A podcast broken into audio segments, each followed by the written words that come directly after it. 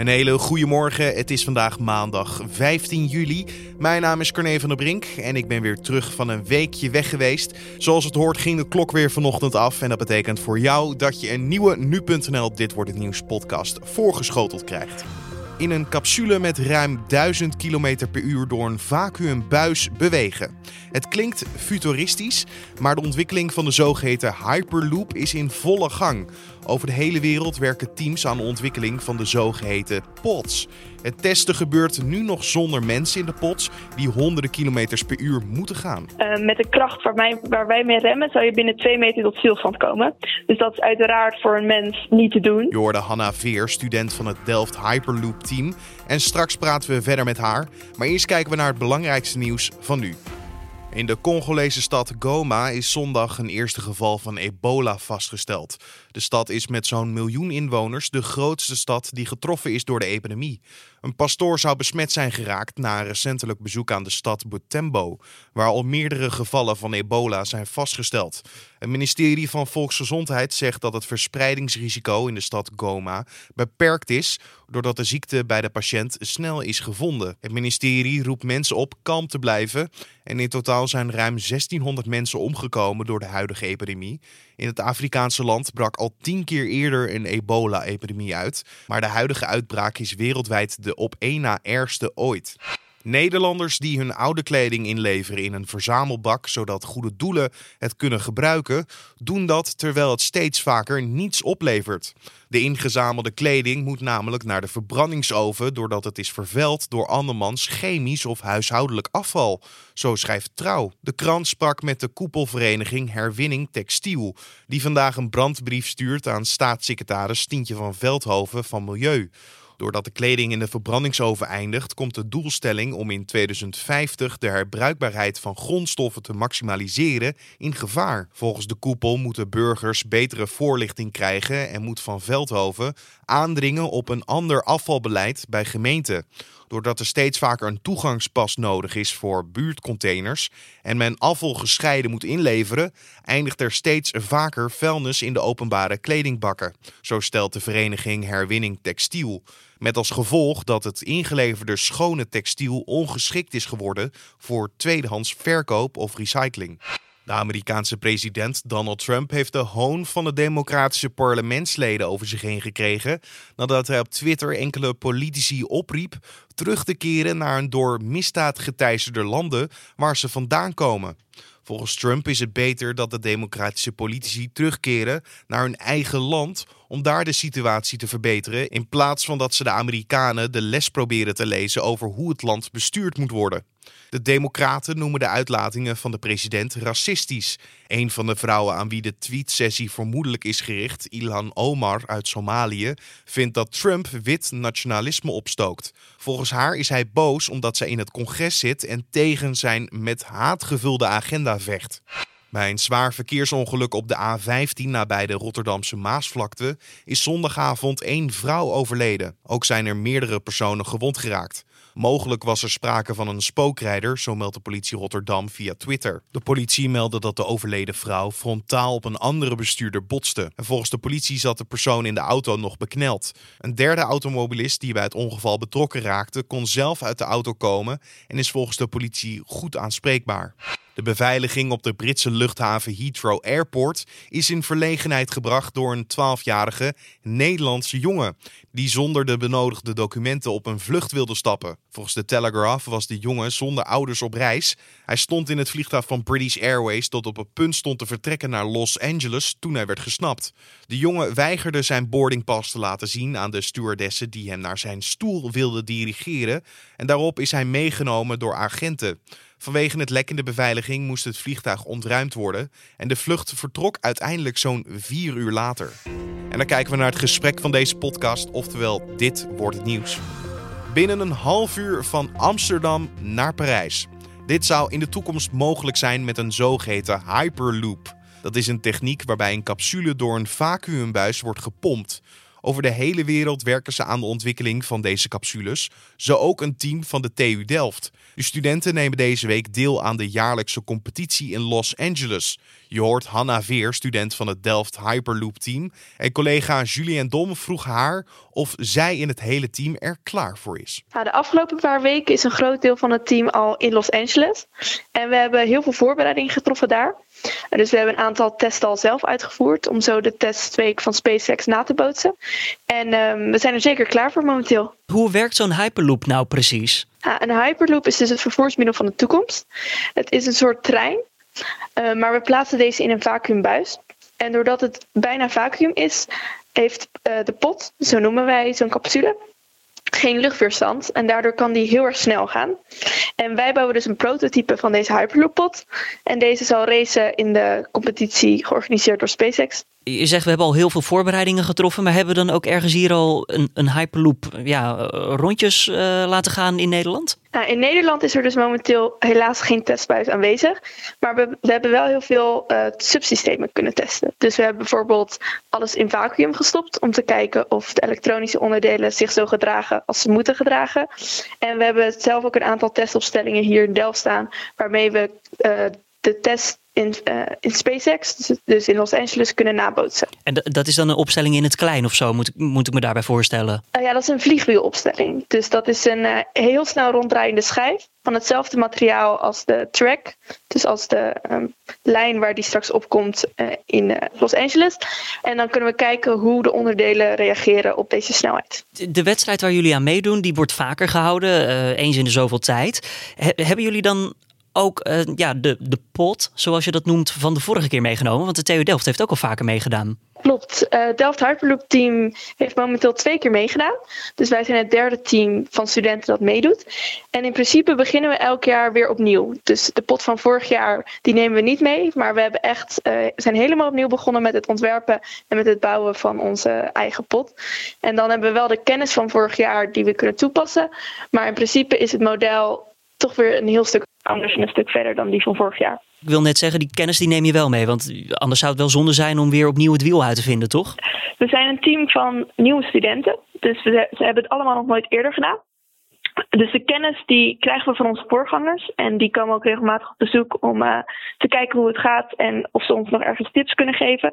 Maar in principe um, zijn we allemaal nog onervaren en nemen onze technische studies mee om uh, nou ja, van dit project te leren. Maar hoe win je dan van de teams die bijvoorbeeld wel verder werken aan hun vorige model en die constant ver verder verbeteren? Want dat lijkt me juist moeilijk dan. Ja, het, het, is zeker moeilijk. Onze grootste concurrent is ook het uh, Duitse team uit TU München.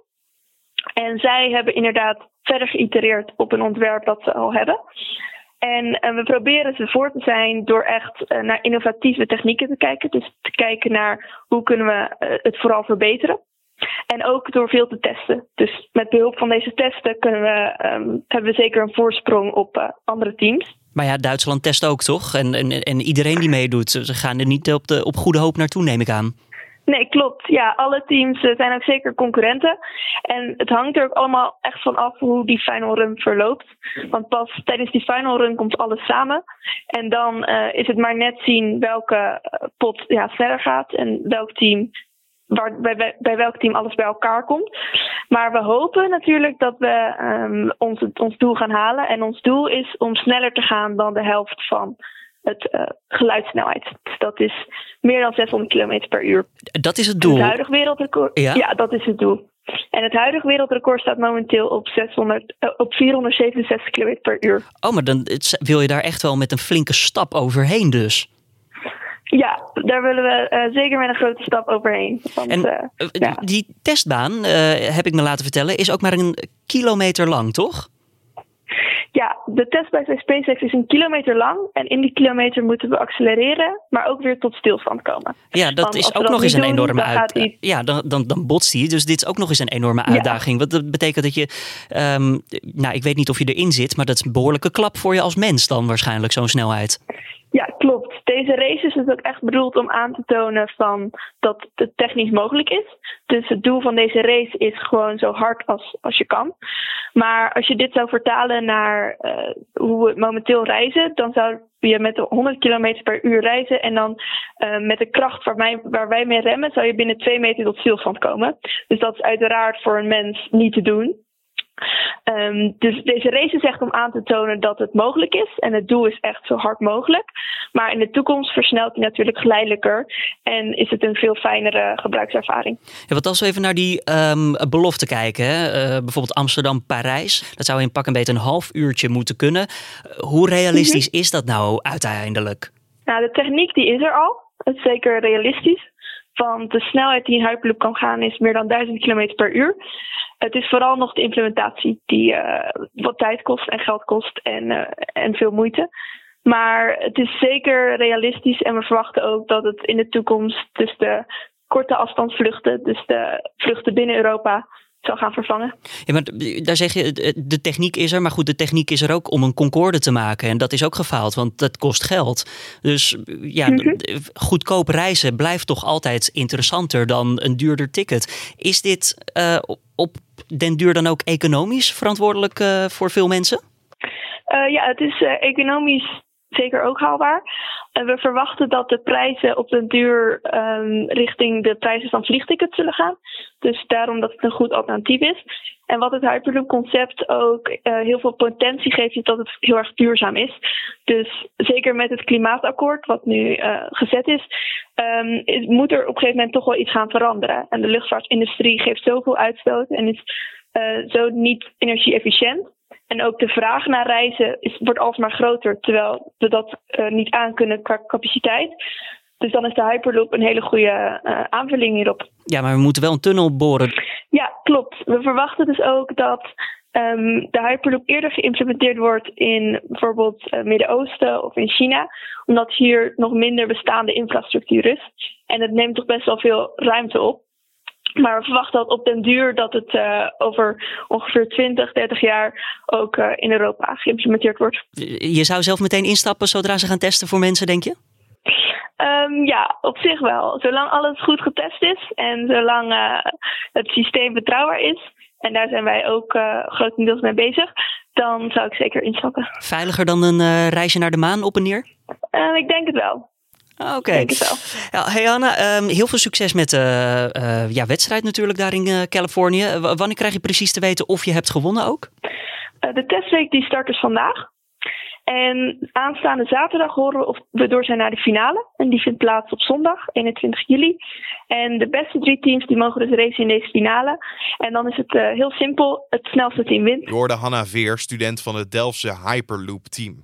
En verder vandaag op de agenda. Een rechtbank in Duitsland zal vandaag uitspraak doen in de zaak over de Duitse natuurgenezer Klaus Ros. De man wordt verdacht van verantwoordelijkheid voor de dood van drie patiënten, onder wie twee Nederlanders. En bij vier patiënten het schenden van de wet op geneesmiddelen. Hij zegt zelf geen idee te hebben hoe zijn patiënten zijn overleden. De man die in 2017 in Charlottesville inreed op demonstranten staat wederom voor de rechter. Dit keer in de zaak die afzonderlijk door de staat Virginia is aangespannen. Bij de aanslag viel één dode en er raakten meerdere mensen gewond. Eerder kreeg de 22-jarige man door een federale rechtbank al levenslang opgelegd. Maar de staat Virginia wil dat er nog een straf van 419 jaar bovenop komt. En de planning voor de Tour de France van vandaag ziet er als volgt uit. Het is de laatste etappe voor de eerste rustdag in de Tour. En dat is er eentje voor de sprinters. De 218 kilometer lange rit van Saint-Flour naar Albi telt wij enkele gekwalificeerde klimmetjes, maar die zijn waarschijnlijk niet zwaar genoeg om een massasprint te voorkomen.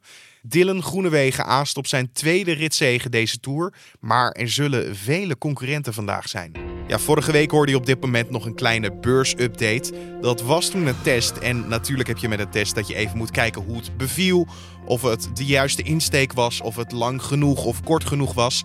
Dat gaan we deze weken doen. Dus deze update heb ik niet voor je. Maar kan je wel bijpraten over wat voor weer het vandaag gaat worden. Het is een dag vol bewolking, maar in grote delen van het land blijft het droog. Lokaal kan er natuurlijk wat regen vallen, maar het wordt wel zo'n 19 graden vandaag. En om af te sluiten nog even dit.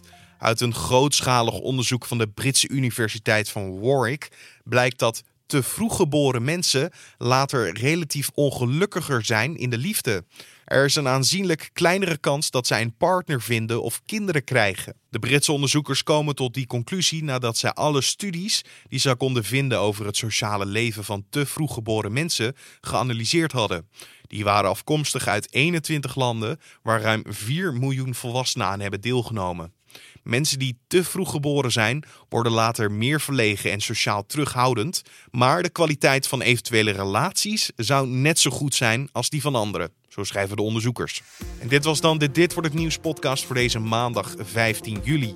Je vindt de podcast natuurlijk elke maandag tot en met vrijdag om 6 uur ochtends op de voorpagina van nu.nl en in je favoriete podcast app. Voor mensen met een iPhone kan je natuurlijk gewoon de Apple Podcast app gebruiken. Maar mensen met een Android telefoon die kunnen eventueel Google Podcast of Spotify gebruiken. Je kan ons laten weten wat je van deze podcast vindt door een mailtje naar podcast.nu.nl te sturen of een recensie achter te laten in iTunes. Mijn naam is Carne van de Brink. Voor nu een hele fijne maandag en tot morgen.